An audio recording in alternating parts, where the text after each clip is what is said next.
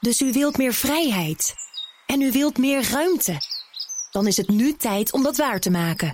Gelderse Woningbouw geeft ruimte. Gelderse Woningbouw bouwt woningen van hout. Meer weten? Ga naar geldersewoningbouw.nl. Heb jij de BNR-app al? Met breaking news in de podcast van Beckhovens Britten? Download de app en blijf scherp. BNR Nieuwsradio. The Big Five. Art Rooijakkers. In een tijd waarin binnen de Nederlandse journalistiek de meeste aandacht lijkt uit te gaan naar opiniemakers en het zoveelste relletje, blijven onderzoeksjournalisten onverstoorbaar hun werk doen. Ze graven door enorme bergen data. Ze gaan in gesprek met moeilijk bereikbare bronnen. Ze lichten tegels. En ondanks toegenomen tegenwerking komen ze met primeurs die misstanden blootleggen en ook echte discussie op gang brengen. Om daar aandacht aan te schenken, duiken we deze week in BNR's Big Five in de wereld van de onderzoeksjournalisten. En vandaag doe ik dat met Erik Smit. Ja, we kennen hem denk ik allemaal wel. Medeoprichter en co-hoofdredacteur van Follow the Money. Hij ontving meerdere journalistieke prijzen voor zijn werk. Is al jarenlang een van de meest beruchte, bekende onderzoeksjournalisten van ons land, durf ik wel te stellen. Welkom. Dankjewel. Ja. Nou, mooie inleiding. We gaan het hebben over jouw motivatie om dit werk te doen. Maar graag wil ik eerst twee dingen van je weten. Um, de eerste vraag: ben jij onderzoeksjournalist geworden voor de kick of voor de impact die het heeft op de samenleving? Geef hem beide. Eigenlijk ben ik er um, ingestapt omdat ik ontzettend graag schrijver wilde worden. En uh, toen ik afstudeerde in uh, 97 van de vorige eeuw. Toen werd mij verteld bij mijn laatste paper dat ik uh, moest maken, wat ik inleverde en ik een, een mooi cijfer voor kreeg maar niet de negen waar ik op hoopte, maar een acht. Uh, dat, de, dat ik een hele beroerde schrijver was. En, dat, uh, en eigenlijk was dat mijn stiekem droom, het schrijverschap. Uh, en toen, die heb ik dat toen maar in een ijskast gezet. Ben een jaar voor een internetbedrijf gaan werken. En toen besloot ik, ik ga toch maar schrijven. En, en, en um, Juist had economie gestudeerd, tenslotte tien jaar over gedaan.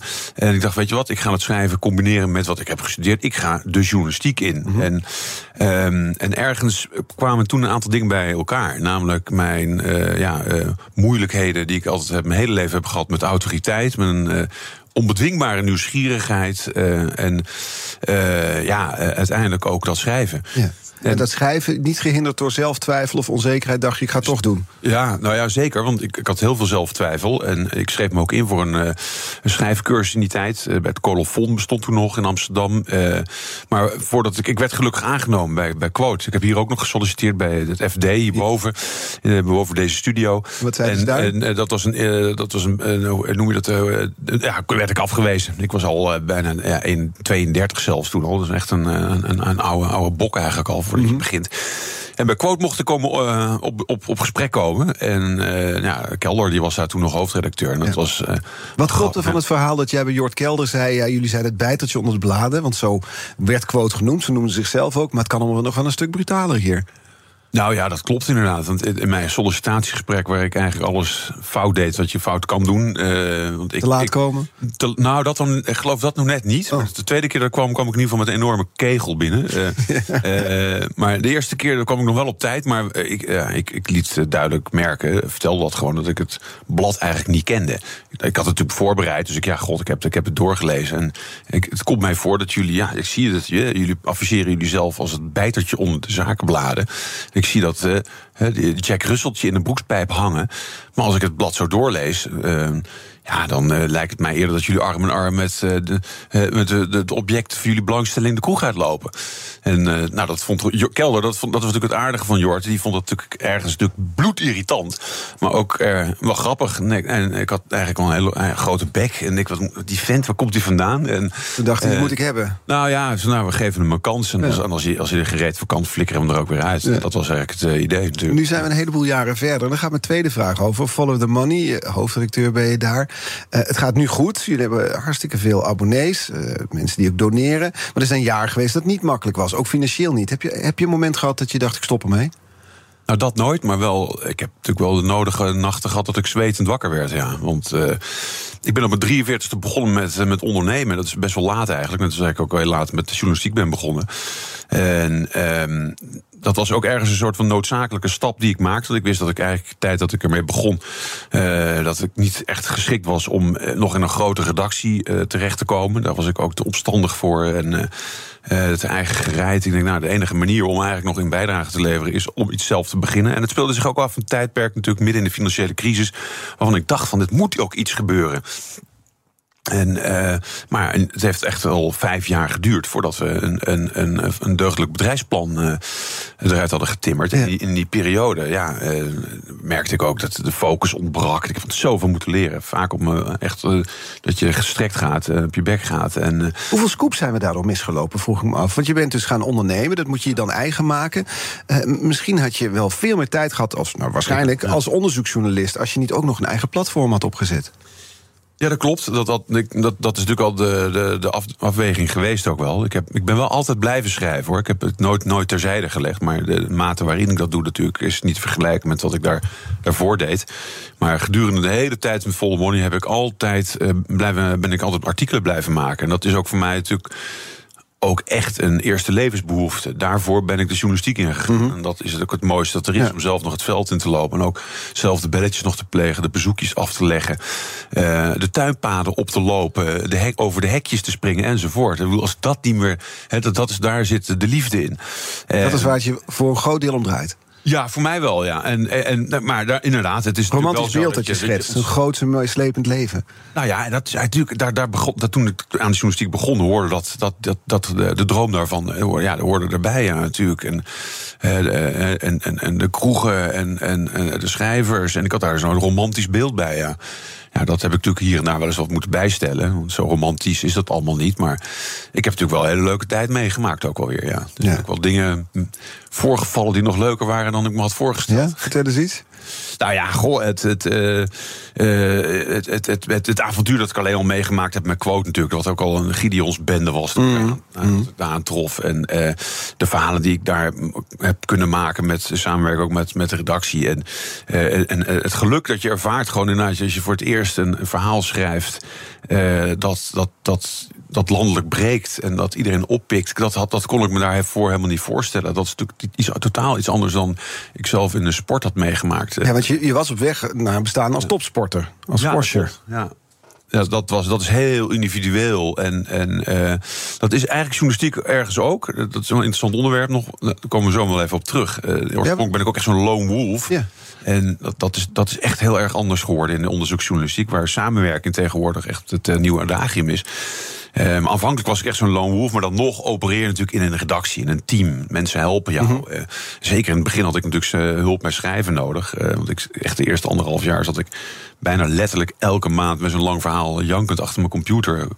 Existentiële angst dat verdomme. Ik kan het niet, ik kan, kan het niet. niet. Inderdaad. En, Waar liep je op vast, ja. weet je dat nog? Heb je nog wel eens artikelen uit van toen teruggelezen... dat je dacht, ja, die zinnen, die, dat was het... of hoe je een verhaal opbouwt, ja, of waar zat het hem in? Het, het zat er meer... Ik, wat, wat, ik, wat ik kon, herkende ik later... dat, was dat ik toch wel een, uh, heel, heel beeldend uh, kan denken... en schrijven dus ook. Dat ik, als ik mijn ogen dicht doe, dat ik iets voor me zie... en dat ik het dan op papier kan zetten. En dat, en dat zit me eigenlijk ook gewoon in de, ja, gewoon in de sterke verhalen... Mm -hmm. Uh, vertellen, vertellen aan, aan de rand van de bar. Dus dat mm. is ook iets wat ik altijd uh, ook aan redacteuren vertel. Van, ja, je moet in feite gewoon een sterk verhaal kunnen vertellen aan de rand van de bar. En, uh, en zodanig en dat, dat, je, zetten. dat je de aandacht van de mensen aan die bar weet te, te grijpen. Dan is, er zijn zoveel afleidingen daar om je heen. Ja. dus dat, en, en nou, beelden daarbij en, en een, goed, een goed begin van een anekdote. Dat, ja, dat, dat is iets wat, wat in me zat. Maar een structuur en dan ook nog eens een keer veel onderzoek doen. Waardoor je ook nog het gevaar loopt dat je midden in een groot bos terecht komt waar je uiteindelijk door, de bomen niet meer doorheen ziet. Mm -hmm. Dat je niet meer boven de materie uitkomt. Dat, daar worstelde ik in het begin ja. vooral heel erg mee. En een sterk verhaal hangt soms ook op overdrijving. Zeker in de bar. Terwijl als onderzoeksjournalist ja. journalist zul je absoluut in de feiten moeten houden. Zeker in deze tijden. Waarin uh, drie collega's ja. van jou hier al hebben gezeten deze week. Die allemaal zeggen: het wordt steeds juridischer. De tegenstand die we ervaren. Dat klopt. Je moet iets zelf uh, in staat zijn om kapot te checken. Tegelijkertijd is het het mooie van de journalistiek ook. En dat heb ik gelukkig ook meerdere malen meegemaakt. Dat het in werkelijkheid nog gekker kan zijn dan je jezelf het uh, kan voorstellen. Uh, je denkt soms van, nou, maar dat, dat kan toch niet waar zijn? Dan, dan blijkt het toch zo te zijn. Dat is, echt het, dat is nou echt het geluk van die, die verhalen ontdekken. En dat je, dat je van de ene verbazing zelf in de andere valt. En, en dat je gewoon echt van plezier gewoon eh, ja, dat loopt uit Ja. schreeuwen bijna op een redactie. Moet je nou horen of ik nou heb meegemaakt en gezien heb. Ja. Na het verhaal over DWDD, over de wereld draait door, is de vergelijking tussen topsport en journalistiek misschien wat gek om te maken. Maar in jouw geval durf ik er wel naar te vragen. Jij was op weg als topsporter, nu werk je dus in de journalistiek. Zijn, zijn er overeenkomsten of zijn er dingen waar je dan eh, aan moest wennen? Ja, topsport heeft natuurlijk een, aantal eigenschappen. waar- je, eh, eh, iedere topsporter moet over een mate van doorzettingsvermogen beschikken. En focus. En, en, en, en tegelijkertijd zijn er natuurlijk grote verschillen. Dat heb je in de journalistiek ook nodig. Een, een doorzettingsvermogen. Je komt vaak genoeg momenten tegen waar je. Vastloopt. Ja, ja, waar je gewoon ergens tegen een muur aan loopt. En denk je, ja, maar hier houdt het spoor op. Of ik kom er niet doorheen. En het kan ook soms ook echt gewoon dat het gewoon ja, dat je gewoon een verhaal hebt waarvan je denkt dat het eh, iets is. En dat het gewoon je aannames niet kloppen. Het is niks. Nou, dan moet je met die teleurstellingen omgaan. Dat is vergelijkbaar. Wat zijn de dat, dat, verschillen? dat is iets wat je echt met topsport natuurlijk leert. Continu wel echt leren verliezen. En, en jezelf weer ja, opstaan en doorgaan. En, en, te- en- maar met wat echt heel erg anders is, eh, dat is natuurlijk de eh, nieuwsgierigheid. Die je vol mag laten gelden. Gewoon. En dat is iets bij topsport. Dat heb Moet ik je wel, juist misschien een beetje oogklep daar, heb ik wel hebben. wat, daar heb ik wel wat last gehad ook bij, bij topsport. Dat ik dat niet zo goed had. Ik was te nieuwsgierig. The Big Five. Art Rojakkers. Met vandaag de gast onderzoeksjournalist Erik Smit. Eh, 14 jaar geleden, bijna 14 jaar geleden, eind 2090, nee, 2009, excuus, richtte hij samen met Mark Koster en Arne van der Wal het platform Follow the Money op. Eh, De inspiratie daarvoor was wat? Ja, dat waren. De, de, de inspiratie voor de naam, eh, dat, dat zit in, eh, in het belangrijke boek All the President's Men van Woodward en Bernstein. Mhm. Ja. En de film vooral die daarvan gemaakt is. Oh ja? Ja. Dus je moet inderdaad, als je wil weten waar de waarheid ligt, volg de geldsporen. Volg eruit. geldsporen, Ja. precies. Het is misschien wel inmiddels na die 14 jaar het bekendste platform geworden voor onderzoeksjournalistiek, durf ik wel te zeggen. Ehm, daar heb je dus lang aan moeten werken. Eh, en eigenlijk is het een combinatie van ouderwets, een ouderwets ambacht, onderzoeksjournalistiek, maar dan op een nieuwe manier, een digitaal platform. Dat klopt. Het is helemaal eh, volledig digitaal, advertentieloos. ehm, eh, maar wel ehm, ja, eh, op een manier die nog ja, volledig vergelijkbaar is met het eh, ambacht wat 40, 50 jaar geleden ook eh, werd verricht. Ja, dan leven jullie van eh, donateurs en van mensen die dus, nou ja, jullie, die, die lid zijn, hè, die, abonnees ja, zijn. eh, abonnees, Ja, abonnees. Noemen, noemen ze dat Ja. bij kranten. Is dat bedrijfsgeheim? Kun je er iets over zeggen? Hoeveel Nee mensen we hebben er nu op dit moment, ik denk, eh 40.750 ongeveer. En, en, en daar zijn we super trots op. Het zijn mensen die maandelijks betalen of jaarlijks betalen Jaarlijks voor jullie onderzoeksjournalistiek. Klopt. Ja. Het, het, het veruit grootste deel betaalt eh, jaarlijks of tweejaarlijks. En dan betalen ze een jaar vooruit of twee jaar zelfs vooruit. Eh, Wat dat prettig is, want het biedt zekerheid is voor jullie. 80% van onze eh, leden zijn dus langer termijn. En we hebben ook een, een zeker aantal maandleden.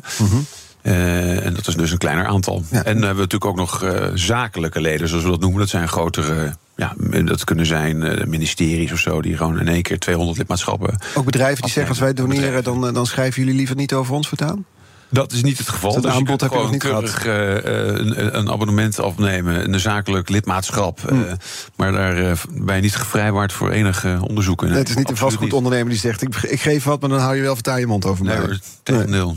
Jullie zijn hard gegroeid hè, het afgelopen jaar. Volgens mij 2022 begonnen jullie met 29 mensen in loondienst. Eh, een jaar later 41. Ja.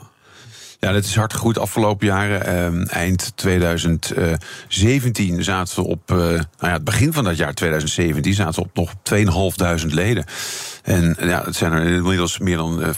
En we hebben met name gezien, ook met ons eh, andere kranten, bladen, dat in een periode van corona het, eh, het, eh, ja, de groei inderdaad eh, enorm is geweest. En Dat die heeft bij ons gelukkig ook doorgezet na corona. En eh, nou ja, op dit moment is het net wat aan het afvlakken. Je merkt nu echt wel dat mensen eh, volgens mij zien dat er eh, ja, ook wel een recessie aankomt. Die oorlog in Oekraïne, nou, dat was aanvankelijk nog niet voor ons iets wat tegen zat. Maar eh, we, we zien nu weer, eh, voor het eerst een beetje dat het, eh, ja, dat het minder snel gaat dan in de jaren daarvoor. Ja. En betekent dan dat dat iets van jou anders vergt als hoofdredacteur? Andere managementkwaliteiten? Nou ja, kijk, als hoofd, ik heb eigenlijk twee taken. Natuurlijk, enerzijds, of drie eigenlijk, ben ik zelf ook nog journalist. Eh, eh, dus ik loop zelf nog stukjes te maken. En ben hoofdredacteur, dus, ehm, dus ik denk mee natuurlijk over de verhalen die we zouden moeten maken. En daarnaast natuurlijk ook de, met, met Arne en Arne van der Wal, medeoprichter, en Jan-Willem Sanders, dat is onze uitgever, mm zijn we ook echt aan het ondernemen. En, op dat laatste, dan ga je het echt wel kijken van ja, je, je moet natuurlijk wel goed kijken naar hoe, hoe, hebben, hoe zijn we gegroeid. als je snel groeit, dan gebeuren er ook dingen die, die je wat minder scherp hebt. En, Zoals wat dan? Nou ja, je, hebt, je moet natuurlijk ook gedurende iets wat, wat snel, zich snel vormt, dan blijft er ook altijd ergens inefficiëntie, inefficiënte zaken organiseer je. Ja. Bepaalde dingen die, waar je geen oog voor hebt, omdat je snel doorkart. denk van, oh, wacht eens even, dat moeten we even wat sneller bijstellen. Dus we hebben dit jaar ook echt een jaar van, omdat we ja, even de boel even goed nader bekijken. Consolideren noem je dat. Ja, ja, nu ben je nadenken over pensioenregeling voor je werknemers en dat soort dingen. Nog, ja, nou, dat doen we ook. En ook voor onszelf. Want ik heb zelf ook. Dingen waar jij nog bezig wilde houden, kan ik me voorstellen. Ja, nee, inderdaad. Heb ik me ook inderdaad nooit mee bezig gehouden. En dat is misschien ook wel goed ook, want anders misschien nooit ondernemer geworden. Nee, nee, maar nu zit je in één keer daarover na te denken. Over al die mensen die bij jou werken. Hoe, hoe ga je er bijvoorbeeld met om? Hoe leg je ze uit? Oké, want jullie hebben bijna elke dag wel een primeur, een onthulling. Hoe, hoe werkt zoiets? Is er een soort lijstje waar ze aan moeten voldoen? Nou ja, ik probeer eigenlijk, uh, of we proberen eigenlijk zo min mogelijk met, met, met, met lijstjes te werken. Want anders, ja, je, je, je wil toch ook ergens een, een, mate van vrijheid behouden. Dat is natuurlijk het moeilijke van op dit moment eh, het bedrijfsomvang. Die is, die, uh, nou, we hebben in ieder geval meer dan uh, 40 mensen op de loonlijst staan. Dan werken we ook nog met enkele tientallen freelancers. Dus als iedereen er is, zijn we een man of 60 of zo, 70. Nou, dat is, dat is best een grote groep. En ja, het, het is te groot om even allemaal zoals het vroeger was, een beetje in het hok allemaal een beetje. Je schreeuwt dat over die redactie heen en, en dat is het dan. Dat is jouw managementstijl. Het, het, moet, het, moet, het moet gewoon nu wat geregelder worden. En, en, en dat is voor mij ook weer een, een volgende stap om te maken. Dus er is nu een wekelijkse hoofdredactionele mail ondertekend door Erik Smit? Nou, helemaal niet. Nee, oh. nee, het, is, nee, het zijn dingen ook echt die we gaandeweg aan het uitvinden zijn. En ik zelf moet me ook weer opnieuw uitvinden. Uh, en, en, en ook in dit tijdperk. Ik ben natuurlijk iemand van. Uh, van ja, ik ben toch eigenlijk een oude lul, natuurlijk 56 jaar. En old school, een boomer zeg ik. Ik ben natuurlijk Generation X, maar ik mm -hmm. word natuurlijk voor een boomer versleten. En terecht ook wel. En uh, je hebt allerlei gebruiks ja, uh, Komen daar van de Gen Z'ers binnen waar jij je toe moet verhouden? Waar je natuurlijk uh, met Gen Z'ers te maken krijgt. Oh my god, ben ik echt zo? Ja, je bent zo. dus er zijn echt wel dingen die ik nog uh, ook op dat punt moet leren. Met, met, ja, wat moet je leren? Nou ja, af en toe is wat minder direct uit de hoek te komen, bijvoorbeeld. Ja, is dat nog een residu uit de topsporttijd? Dat, dat komt er ook uit voort, ja. ja dat is, in de topsport is het vrij gebruikelijk. Ja, dat je gewoon super direct en ja, je weet waar je. Ja, het is no bullshit. Het is mhm. meteen bom. Ja dat kun je niet meer doen als hoofdredacteur. Die duidelijkheid die, die, moet er wel zijn, maar je moet het soms, soms en vaak gewoon wat, wat anders verpakken en er hm. meer tijd voor nemen. En dat Is dit, vind je het leuk? Ik de vind fase waarin je nu zit. Ik kan me voorstellen, het is eerst pionieren. Ben je iets aan het opbouwen. En je doet dat vanuit een bepaald idee, een bepaalde missie. Onderzoeksjournalistiek rendabel maken. Ja nu bewezen dat het kan. Is dan deze functie jou op je lijf geschreven in de fase waarin je nu zit? Nou, niet per se. Nee, dat is, maar dat vind ik ook alweer het aantrekkelijker aan. Dat, dat, uh, wat is nu eigenlijk wel op mijn lijf geschreven geweest? Topsport? Nou, dat was het ook niet echt. Uh, schrijverschap? Uh, nou, ook niet. Niemand die dacht dat ik dat ging worden. Dus ik heb nooit iets gedaan wat op mijn lijf is geschreven. Dus, dus ik vind het wel. Weet je, we hebben ambities. We willen met volle de in Europa in. En, nu kantoor in Brussel, hè? Ja, we hebben al een kantoor in Brussel opgeopend. En vanuit Amsterdam ook echt echt veel energie daarin steken. We hebben daar een goed, goed, uh, goede naam voor. We hebben er ook een, denk ik, ook een manier van journalistiek maken voor die, ze daarvoor, uh, die mhm. daar zeer geschikt voor is. Maar dat betekent wel dat als organisatie en ook de mensen die daar aan de top staan, hè, die, dat, die, dat die ook moeten doorgroeien. Dat betekent voor mezelf ook weer uh, stappen zetten. Ja. En dat vind ik ook wel weer uitdagend. Weet je? Dus dan denk je, ja, je komt toch weer ergens in, in, in, op terreinen terecht waar je weer ja, uncharted territory, waar je weer. ja. Maar hoe werkt het dan? Zit je dan thuis managementboeken te lezen? Nou. hoe ga ik om met mijn personeel? Of heb heb je een coach die dan eh, met allemaal van die sessies en kleurenpaletten van de redactie bestaat uit dit soort mensen? Of hoe, hoe nou, werkt ik het? Ik praat ook met, met, met mensen uit, uit, het, uit het vak. Ik heb. Uh, toevallig gisteren nog met een oude rot in het vak aan tafel gezeten. Uh, Bert Vuijsje, ooit uh, hoofdredacteur van HP De Tijd. Ja, en, nu bij Op 1, hè? Uh, ja, dus... Um, en op die manier probeer je te scherpen. En, um, nou ja, dat zijn zaken van hoe deden jullie dat vroeger, hoe deed jij dit? En ik kijk natuurlijk... Dus je, je moet met veel met, met, met, met, met mensen, om je heen praten... en proberen ja, je daarvoor open te stellen. Ja. Dat over jouw maar ik sluit niet uit dat ik inderdaad ook nog eens een keer een managementboek open ga slaan. Toch al een keertje, ja. Dat liggen er hier op de redactie wel wat hij mee kan nemen, denk ik hoor. Ja. Jullie zijn bekroond met verschillende prijzen bij Follow the Money. Ik noem er een paar. Het onderzoek naar de mondkapjesdeal met Siewert van Linden. Jullie onderzoek naar de zogeheten zorgcowboys. Jullie onderzoek naar de activiteiten van Heineken in Afrika. Eh, Nou ja, het is, het is een mooi rijtje. Is er iets waar jij specifiek trots op bent? Nou ja, eh, we zijn, eh, ik ben twee weken geleden nog in, in Tbilisi geweest. Eh, Georgië. Georgië. En- Prachtige stad. Prachtige stad inderdaad. En eh, bol van de spanning ook op dit moment. eh, Heel veel rust zit er nu? Fascinerend om daar te zijn, nu in dit tijdperk. En ik was er nog nooit geweest. En dus alles, zoveel nieuwe indrukken. En, nieuw, en taal die je gewoon niet kan ontcijferen. Mensen die, eh, waar je eigenlijk helemaal geen... op basis van klanken niet meer met elkaar kan communiceren. En, eh, maar een prachtige stad. En eh, nou, daar, daar werd de European Press, Press Prize uitge, uit, uitgereikt. En ik heb in mijn leven vooral ook in de sport veel tweede prijzen gewonnen. En daarvoor mochten we ook een tweede prijs in ontvangst nemen. Voor ons werk, eh, The Great Green Investment Investigation. Dat is een van onze samenwerkingsprojecten die we hebben gedaan afgelopen jaar samen met eh, Investico.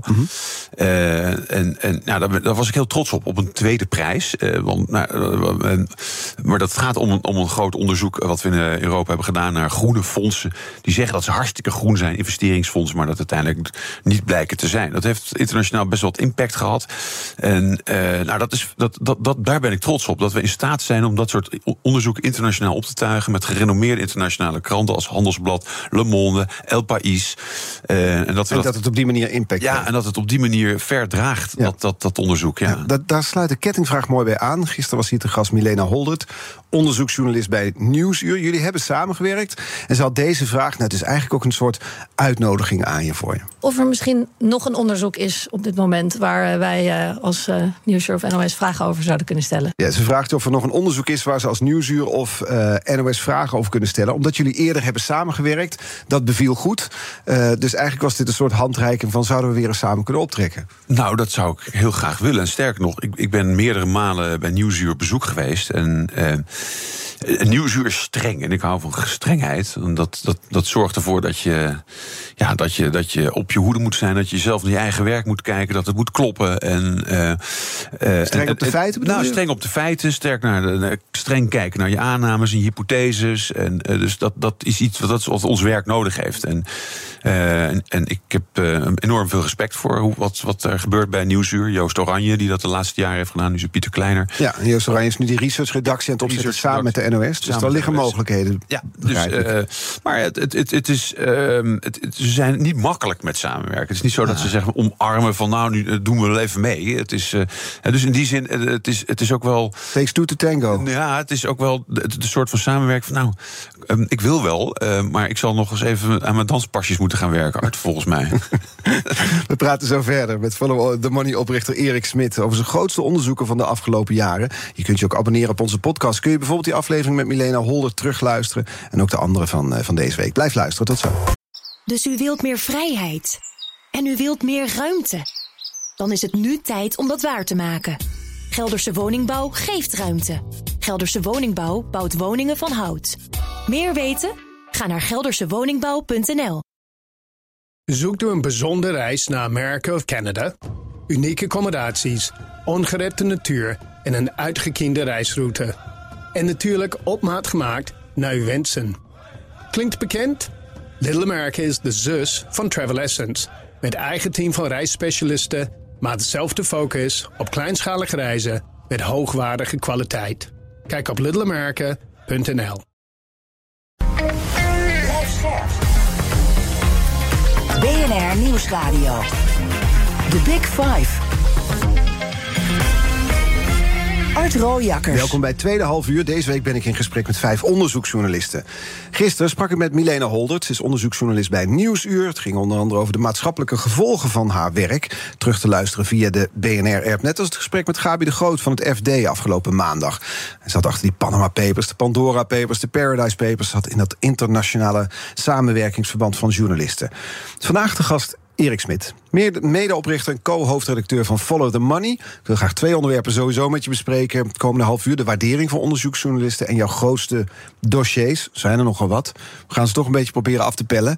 Ehm, want welke verhalen wakkeren op dit moment bij jou het journalistieke vuur? Dus niet het hoofdredactionele vuur, maar jouw eigen journalistieke vuur vooral aan? Ja, dat is ongetwijfeld het, eh, de verhalen over eh, Cum-ex en cum-cum. Dat zijn twee eh, termen die uh, gaan over een uh, vorm van belastingfraude. Dividendstrippen is de algemene term daarvan. Dat is sinds de arrestatie van een Nederlandse oud-bankier Frank V. Uh, is dat uh, helemaal ook in hot in het nieuws. Alleen, die zaak die volg ik al uh, ruim 4,5 jaar. Mm -hmm. Dat is iets wat mij al heel lang bezighoudt. En dat begint eigenlijk nu pas eigenlijk door de ja, door de, door de, ja, de, de, de grotere andere media ja, gevolgd worden. waarom, waarom is dat wat je zo bezighoudt? Nou, sowieso volg ik natuurlijk de, de, de financiële wereld al, mm -hmm. al heel lang. En, en, ik vind het, wat, wat mij die, van die financiële wereld nou echt aantrekt. Uh, en, en, wat ik daar bijzonder aan vind, is dat het. Uh, dat je meer dan welke wereld dan ook eigenlijk een aantal factoren ziet bovenkomen. Dat is om te beginnen hebzucht. Mm -hmm. Uh, het, het, gaat natuurlijk altijd om geld. En het gaat om hele grote bedragen. En wat je ook vaak ziet, uh, dat het heel erg abstract is, complex. En uh, geld daar, dat kan zomaar van iemand zijn. Maar die persoon van wie dat is, iemand die belegd heeft in een, in een fonds of onderdeel uitmaakt van een pensioenfonds, die mensen erachter, die zie je nooit. He, dus die, het is ook nog eens een schimmige wereld. Het, het pikken en, en het, het je eigen maken van centen van anderen, dat is op een of andere manier gebeurt dat makkelijker uh, in de financiële wereld dan in welke wereld dan ook. En vandaar dat die wereld me juist zo bezig houdt. Ja. Die, die, die cum-ex, dat dossier, ja, ik vat het veel te kort samen waarschijnlijk... Hè, maar het is een, een, een grote fraudezaak. Er zijn eigenlijk miljarden, tientallen miljarden volgens mij... Ja. zelfs bij Europese banken weggesluist via dividendbelasting. Ja, het is, het is een vorm van uh, dividend of een belastingfraude. Uh, ik noem het bewust fraude, uh, omdat het op onrechtmatige wijze belasting teruggevorderd wordt die eigenlijk niet teruggevorderd mag worden. En, en dat, daar heb je verschillende methoden voor. Cum-ex is de meest, maar, um, ja, de meest criminele vorm daarvan, waar in Duitsland al meer dan tien mensen voor langjarige gevangenisstraffen zijn veroordeeld. en Komkoem is een iets andere versie daarvan. Maar wat linksom of rechtsom het geval is, er wordt gewoon uh, heel veel geld teruggevorderd. Terwijl uh, partijen, en dat zijn vaak banken die dat opzetten, die structuren, uh, daar niet toe gerechtigd zijn. Nee, het zijn banken, het zijn aandelenhandelaren, het zijn topadvocaten. Ja. Het is een soort systeem waarin dat dus mogelijk wordt gemaakt. Ja. Jij was hier in 2006 bij Quotum al bezig, begreep ik. Dat klopt, ja. Dat is de eerste keer dat ik dat op een vizier kreeg, was in, toen al. En heb ik een groot verhaal. Dus mijn allerlaatste verhaal bij Quote was dat ook mijn afscheidsverhaal. Uh, voordat ik naar medeoprichter of mede betrokken werd bij de oprichting van Dagblad de Pers. En, uh, en ik heb het toen daarna losgelaten, dat onderwerp. En uh, ik heb toen een uitgebreid verhaal over die bank hier in Nederland geschreven, waar, waar deze praktijken zich voordeden. De Fortis Bank Nederland, later opgeslokt door, of samengegaan na de financiële crisis met ABN Amro.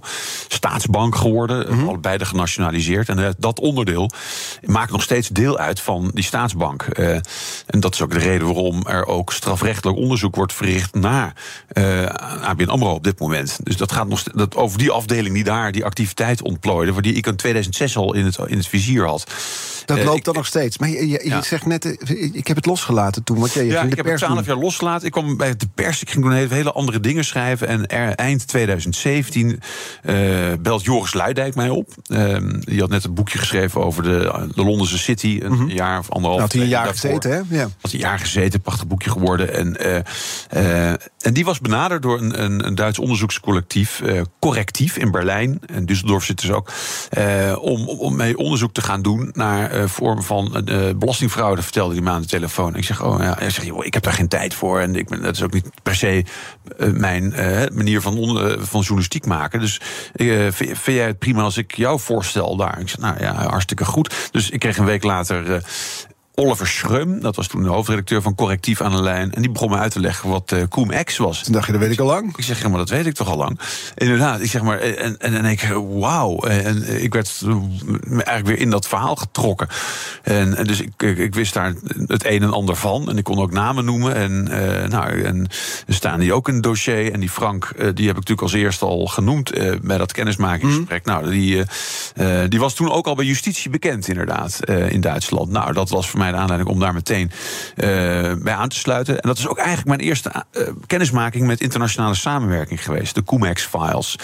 En ik moet zeggen, dat was fantastisch. Ja, want je zei eerder al, ik werkte voorheen als lone Ja, wolf. En nu is dat inderdaad, je ziet Ja. het vaker, een soort collectief van journalisten Ja. dat samen dan optrekt. Ja, dat vond ik echt te gek eigenlijk om, om mee te maken. Ik ben Wat, wat, altijd- wat maakt dat te gek dan? Nou ja, ik, ik, als vergelijk met, met het lone wolf zijn, wat, wat ik ook heel erg leuk vond, en dat is natuurlijk helemaal in je eentje en, en je, je, je eigenwijs je, gang gaan, is dat je opeens in, in, een, ehm, in een collectief te, te- komt te werken met allemaal mensen die ook veel van het onderwerp weten. En, eh, en, en die dingen eh, aandragen. eh, eh, die, je kunt elkaar helpen. Je, je- hebt elkaar ervoor om over, in, in andere jurisdicties om dingen mogelijk te maken. Je krijgt in één keer eh, de beschikking over zoveel meer armslag en zoveel meer effectiviteit en efficiëntie. Dat is, denk ik, wow, het kan zoveel beter wor- worden, dat werk opeens.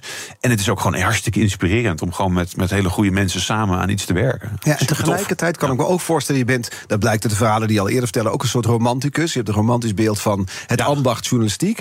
En het leven ook hoor, toch nog steeds. Toch wel, ja, ja, want eh, dan kan ik me ook voorstellen hoe je als, in je eentje, als Don Quixote, het opneemt tegen een groot consortium van, van advocaten, van, van eh, aandelenhandelaren, van, van banken. En dat jij ze in je eentje weet te laten struiken. Ja, nee, dat, dat, dat, dat romantische beeld heb ik eh, wel laten varen. Er zit ook te veel, het, wat mij betreft, het persoonlijke ego in. En dat, ja, dat is ook een, een, is ook niks mis een mee, toch? onderdeel van de leercurve.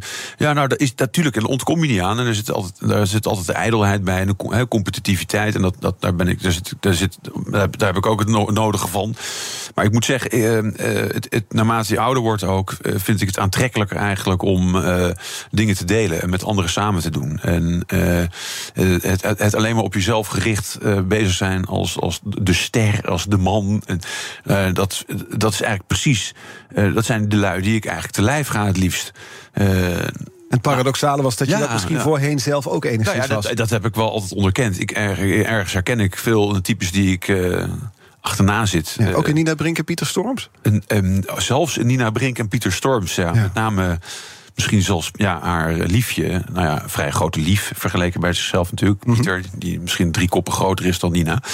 Eh, ja, zeker. Ja, daar heb ik natuurlijk het nodige mee te stellen gehad. Precies, ja. want veel mensen Ja. zullen jou daarvan kennen... Van, eh, van eerdere en soms smeuige onderzoeken. Bijvoorbeeld van het hele dossier rondom World Online oprichter Nina Brink.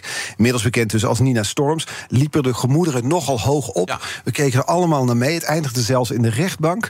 Er werd beslag gelegd op jouw bezittingen zelfs. Klopt, ja. In de zomer van, eh, van, van 2010, ik zal het nooit vergeten... want ik stond hier in, niet zo heel ver vandaan... bij de Jaap Edebaan, eh mijn verjaardag van mijn kinderen te, te vieren. Die, ik heb een tweeling en chipzakjes uit te delen, gezellig. En eh, toen ik gebeld werd door mijn advocaat... van je moet nu naar huis rennen, want er is beslag gelegd. En eh, kijk maar of je nog wat van je rekening af kan krijgen. Nou, dus ik inderdaad op de bakfiets naar huis... maar er was niets meer, stond erop. dat ik net wa- wat van mijn uitgever had gehad, van het boek. En het was het begin die dag ook van de vakanties in Amsterdam. Dus ja, voor hetzelfde geld had ik natuurlijk op de periferiek gezeten. Dan had ik eh, met het gezinnetje weer terug naar huis kunnen rijden. Dat was, dat was niet het geval, maar we moesten wel er tegenin. En mijn advocaat die zei nog, Moos benen, ja, ja, beslagrecht, Erik. Ik weet niet of je eigenlijk wel eh, die rechtszaak moet voeren. Nou, het was ook het weekend van de WK-finale. Eh, en, ja, die verloren we dus. Eh, en, en toen we die, die finale verloren, heb ik ook meteen... Zo pissed off. Ik heb meteen een advocaat gebeld. Zeg, morgen gaan we in de aanval. en dat hebben we gedaan. Dus de wereld had er misschien wel anders uitgezien... als we toen wereldkampioen waren Nou ja, geworden. wie weet, maar het, eh, het, was ook geen, het was geen andere optie. En, en die zaak uiteindelijk eh, leidde ertoe eh, dat alle beslagen eraf gingen. Maar ik heb uiteindelijk toch nog wel zo'n... eh, daarna nog acht jaar wel gedoe gehad. Ja. Dus het heeft mij eh, wel geleerd dat je daadwerkelijk in Nederland, als je een freelance journalist bent en niet over de rugdekking beschikt, dat je gewoon platgelegd kan worden. Ja, daar hadden we het eerder ook gebeurd. deze week ook over met Gabi de Groot, onder andere. Dat inderdaad, je, als freelancer, je bent, je bent kwetsbaar. Je bent zeer kwetsbaar, ja. ja. Het is een hoge prijs die je dan dus betaalt. Want het beeld dat je schetst, het is, het is ook grappig zoals je erover vertelt... Hè, hoe je op de verjaardag van je kinderen staat. Maar da- daarachter zit natuurlijk wel iets heel serieus. Daar zit heel iets serieus aan. Want ik, eh, ja, nee, dat is. Het feit word je natuurlijk. eh, ik, heb, ik, heb, ik heb in die periode dat ik nog aan het boek aan het schrijven was voor Nina, had ik al eh, de nodige claims aan mijn kont hangen. Ging al, eh, stond al gewoon eh, bijna 1 miljoen euro op de lat. En, dat is, en dan je moet jezelf verdedigen, je, hebt, je moet rechtszaken voeren en dan moet dat boek nog uitkomen. Uh, en dat, dat, is natuurlijk, uh, dat heeft een chilling effect. Uh, dat, zo noem je dat. waarmee eigenlijk beoogd wordt natuurlijk iemand gewoon van het publiceren van iets af te houden. Ja, zelfcensuur misschien wel. Ja, en dat, dat, nou, dat heeft mij ook wel mij extra scherp gemaakt. Dus dat zorgt er wel voor van ik moet dit nu wel goed doen. Anders ga, ga ik zo meteen helemaal nat. Mm -hmm. maar dan nog, ook al doe je je werk goed, dan kun je daar nog heel veel, heel veel last van hebben. En uh, en natuurlijk maak je natuurlijk ook fouten. Hè? Eh, linksom of rechtsom. Iedere journalist, uh, zeker als je een boek schrijft, er zitten altijd oneffenheden in. Dus, dat, dat, hè, dus die, het, het, dat, dat, dat, dat is iets wat je uiteindelijk ja, dat, dat, niet in de kou kleren gaat zeggen. Nee, hoe is het afgelopen tussen jullie uiteindelijk? Nou ja, het is uiteindelijk uitgemond in een soort van, ja, eigenlijk, het, het, het is gewoon gespoord. Het hele, hele geknok. En uh, ik moet zeggen, ik heb ook wel weer goede herinneringen aan haar. Want ik, had, ik, ik was op een gegeven moment, ik, ik ben ook echt daar naartoe geweest, naar haar in, in Cannes toe. En een van die reizen om, om haar gewoon met, haar te praten over dat geschil. Want dat is een van de dingen die ik me had voorgenomen. Ze gaan niet meer die advocaat uh, de, de rechtszaal in. We gaan met elkaar praten nadat we de laatste rechtszaak hadden gehad. Nou, dat, dat, dat, dat ging goed. Dus ik moest daar op, op een gegeven moment ook een keer naar Cannes toe. En uh, ik weet nog als de dag van gisteren dat op een gegeven moment Nina vroeg van. want ze was zelf wel een bedreven racketsportster. En uh, kon wel aardig tennis en ook tafeltennissen. Ze, uh, en, ze stelde voor, ze, waarom ga jij niet eens even met uh, Pieter tafeltennissen? Oh, yeah. En Pieter die stond te trappelen, ja, van, oh ja, dat is een goed idee. En ik denk, verdomme, dan moet ik, ik moet nu gaan tafeltennissen hier. en, en ik was natuurlijk oude squash. Dus dat, en dus ik, dat, hebben we ook wel druk op. Dus ik kan me niet veroorloven om hier te verliezen natuurlijk. Van nee, maar je mag hem ook wel niet te hard inmaken misschien. Dus, dat is ook niet goed voor de eh, relaties. nou ja, dat, dat dan, maar, hè, dan maar met pek en de veren dat kan uitgedragen ja. worden. maar dat gaat die wedstrijd winnen. Nou, ik, en dat ging erop, joh. Dus dat, uh, dat was heel grappig. En ik heb hem gelukkig gewonnen. Maar uh, nou, dan sta je daar met, met een eenkoppig publiek, namelijk en Nina. sta je daar super geconcentreerd opeens tafeltennis te spelen. Ja, nou ja, dat, In kan tegen ja, Pieter Storm heb ik later nog wel eens aan terug moeten denken. Het is een mooi beeld. Dus u wilt meer vrijheid. En u wilt meer ruimte. Dan is het nu tijd om dat waar te maken. Gelderse Woningbouw geeft ruimte. Gelderse Woningbouw bouwt woningen van hout. Meer weten? Ga naar geldersewoningbouw.nl. Zoekt u een bijzondere reis naar Amerika of Canada? Unieke accommodaties, ongerepte natuur en een uitgekiende reisroute. En natuurlijk op maat gemaakt uw wensen. Klinkt bekend? Little America is de zus van Travel Essence. Met eigen team van reisspecialisten, maar dezelfde focus op kleinschalige reizen met hoogwaardige kwaliteit. Kijk op littleamerica.nl. BNR Nieuwsradio. The Big Five. Art Rojakkers. Ja, vandaag in gesprek met Erik Smit. Hij is oprichter, medeoprichter, hoofddirecteur van uh, Follow the Money, onderzoeksjournalist. Um, we hadden het over een dossier waar je echt een prijs betaalde uh, uh, rondom Nina Brink, inmiddels Nina Storms. Ander dossier waar je je echt in vast hebt gebeten samen met voormalig FTM-collega Kim van Keken, was de zaak rondom de inmiddels overleden oud-voorzitter van de VVD, Henry Keizer. er waren allerlei schimmige zakelijke transacties. dat werd jullie daar ook niet in dank afgenomen. Ik kwam een verhaal tegen dat er bijvoorbeeld dan persconferenties waren over de zaak waar jullie specifiek niet welkom waren. Ja, nee, dat klopt. Ja. Dat, was, dat was natuurlijk eigenlijk ook de grootste fout die Henri Keizer uh, kon maken. Dat is dat je, dat je de pers die jou controleert uh, als, als VVD-voorzitter nota bene buiten de deur houdt. En uh, daar spraken natuurlijk in die tijd ook de VVD op aan. Het speelde zich ook af eigenlijk een, een, aantal maanden nadat voor het eerst in het Witte Huis iemand zat die ook sommige journalisten buiten de deur hield. Mm -hmm. Namelijk ene meneer Trump, die uh, journalist van de New York Times uh, naar buiten mieterde. Uh, en, dus het was nogal wat om als VVD-voorzitter te zeggen: van deze mensen komen niet binnen. Tegelijkertijd was het voor ons natuurlijk een kans. want ik dacht van nou, als ik niet binnen mag komen, dan ga ik er juist naartoe. Want ik weet wie daar staan. Dus het enige wat ik hoef te doen is naar de voordeur lopen uh, en dan vervolgens geweigerd te worden. Er stond notabene ook echt een, een uitsmijter daar met een kale kop, een breed geschouderd. Die me vervolgens tegenhield. Ja, nou ja, dat, dat element dat heeft denk ik keizer een beetje opgebroken vervolgens. Want mhm. in de week die eraan vooraf ging, was er nog volop twijfel van, nou ja, wat, het was ook best een ingewikkeld verhaal. hoe, hoe hij dat hadden uitgevonden. En, en hij kon, hij had zelf al was hij dik aan het spinnen van, nou, ik heb geen wederhoor gehad, wat volledig niet klopte. We hadden hem vier keer uitgebreid aan het woord gelaten. En. Uh, en, en, en, en, en het, zij heeft het keurig gedeeld, er is niks aan de hand. En ze snappen het niet. En daarvoor was die persconferentie, eh, waardoor hij eh, even alles liet zien, waardoor het wel deugde. Nou, dat mhm. bleek helemaal niet uit eh, te komen uit die persconferentie. Sterker nog, hij liet dingen zien die juist helemaal niet in de haak waren. Maar juist door die beeldvorming, en dat is natuurlijk toch wel fascinerend om te zien natuurlijk. Je kunt heel diep gaan in, in de journalistiek, de meest in complexe details ontrafelen. Maar uiteindelijk werkt zo'n beeld, het naar zo'n hek toelopen. Uh, tegengehouden worden. Ja, tegengehouden worden. Dat werkt nog vaak sterker dan, dan, dan zo'n zo'n tekst die wij en zo'n onderzoek wat wij hadden gemaakt. Bel je dan van tevoren ook naar wat tv-collega's van Ik kom eraan? Nee, want ja, we wisten dat die daar zouden staan. Die er zouden staan. en, eh, en, eh, en, Kim en ik dachten van ja, eh, we gaan daar gewoon naartoe. En, ja. huppakee. Ja, je, pret, je, vertelt prettig laconiek over dit soort verhalen. Over het nou Henry Keizer is het wat over Nina Brink. Tegelijkertijd zegt dit iets over de manier waarop onderzoeksjournalisten soms tegengewerkt worden. Als je kijkt naar het klimaat rondom onderzoeksjournalisten in Nederland, hoe vind je dat het ervoor staat?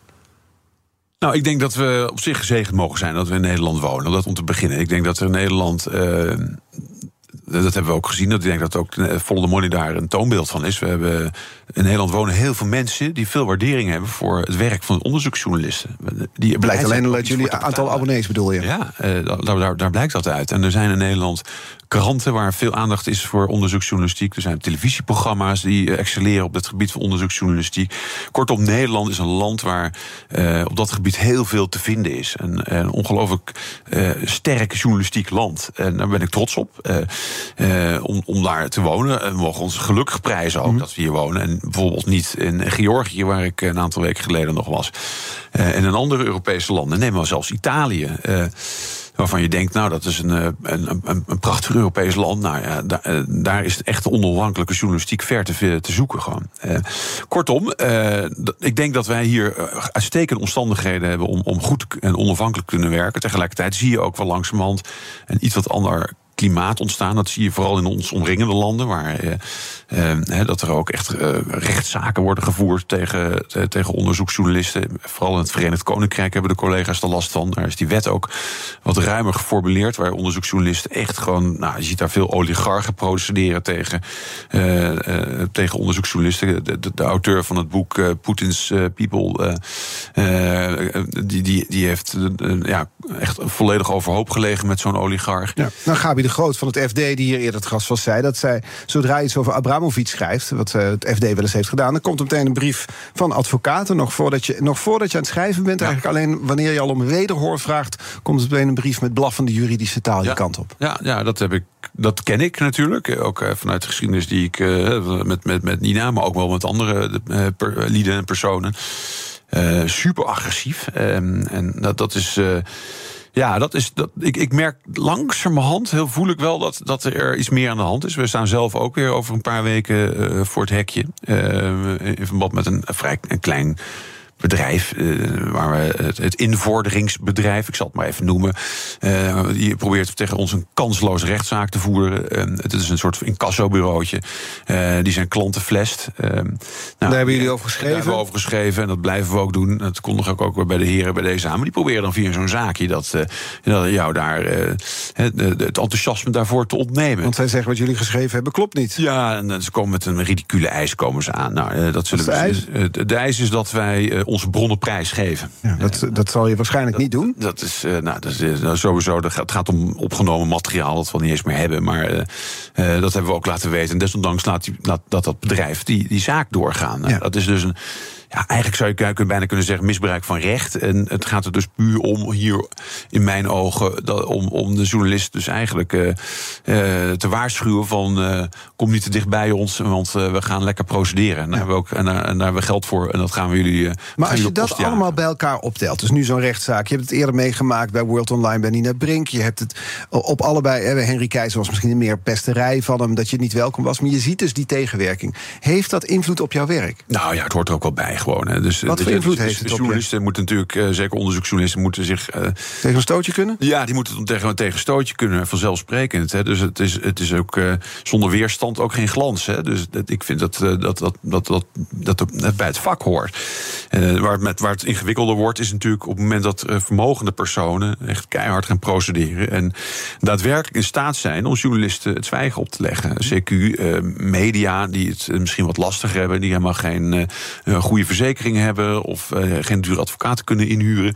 eh, ja, eigenlijk eh, de mond snoeren. Dat, dat is link. Dus ik, ik, ik ben vooral bang voor, voor, voor bladen die, die, die zeg maar op die marge verkeren. Dat ze dat zich niet kunnen veroorloven waar journalisten misschien zitten. Freelance journalisten enzovoort. Die mogelijk de mond gesnoerd worden op deze manier. Morgen is hier de gast Bas Haan, NRC-journalist. Zat ook lang bij Nieuwsuur onder andere. Heeft veel televisie gemaakt. eh, David de Moordzaak, eh, de, de hele kwestie daaromheen. Daar kennen we hem allemaal van. Wat zou je willen vragen? Je mag hem een kettingvraag stellen. Ja, nou kijk, iedere journalist heeft in zijn, zijn, zijn oeuvre wel eens een, eh, zeg maar, een rimpeling zitten. Of iets wat hij net niet heeft opgelost. Of een, ja, of een zaak waarvan je denkt: ja, god, hier ben ik toch eigenlijk tegenaan gestoten. Het was wel een mooie primeur. Maar, dus mijn vraag aan Bas Haan is: welk eh, laken in jouw journalistieke oeuvre zou jij glad willen strijken? We gaan het hem morgen vragen, een mooi gestelde vraag. Heb ik er nog één voor jou? Want ik vroeg me af, met, met jouw karakter en je carrière die je achter de rug hebt... en die je nog voor de boeg hebt... wat heb jij eigenlijk liever? Een, een eerlijke en rechtvaardige wereld... waarin niks meer te onthullen valt? Of juist een wereld waarin jij als onderzoeksjournalist... iedere dag interessante onthullingen kan doen? Eh, de laatste, de laatste, en dat is dat eh, een eerlijke, rechtvaardige wereld, daar streef je naar. Maar dat is, het, is, het, het is iets waar je. De, journalistiek wordt daarin, als die zou bestaan, die, eh, is, is die niet meer nodig. Nee. Het is natuurlijk heel fijn om dat te hebben, maar het is ook de, het is een steriele wereld. En in een steriele wereld, daar kunnen we niet in leven. Nee? Nee. Dus er moet altijd een, een, een, een, een draadje van een rafelrand blijven. En die rafelrand, eh, die, die, als die te groot wordt, dan raken wij het balans. En dat is natuurlijk onze taak. Eh, en, en als die binnen bepaalde marges blijft, dan is dat leven ook leefbaar. We kun- We kunnen niet zonder ondeugden. Jij blijft aan het draadje trekken. Ook dat. Ja, dank. Altijd. Erik Smit, medeoprichter, co-hoofdredacteur van Follow the Money. Ehm, het was een mooi gesprek, net als die eerdere van deze week over onderzoeksjournalisten. Die zijn dus allemaal terug te luisteren als podcast. Ik blijf het zeggen. Als je abonneert op onze app of je favoriete podcastkanaal, dan kun je ze allemaal terug horen. Ook die van andere weken van mijn collega Diana Matroos bijvoorbeeld. Nu op deze zender hoor je zometeen Ivan Verrips met BNR Breedte. Gaat het hebben over alcohol. Wij zijn er morgen weer. Tot dan. Dus u wilt meer vrijheid. En u wilt meer ruimte. Dan is het nu tijd om dat waar te maken. Gelderse Woningbouw geeft ruimte. Gelderse Woningbouw bouwt woningen van hout. Meer weten? Ga naar geldersewoningbouw.nl.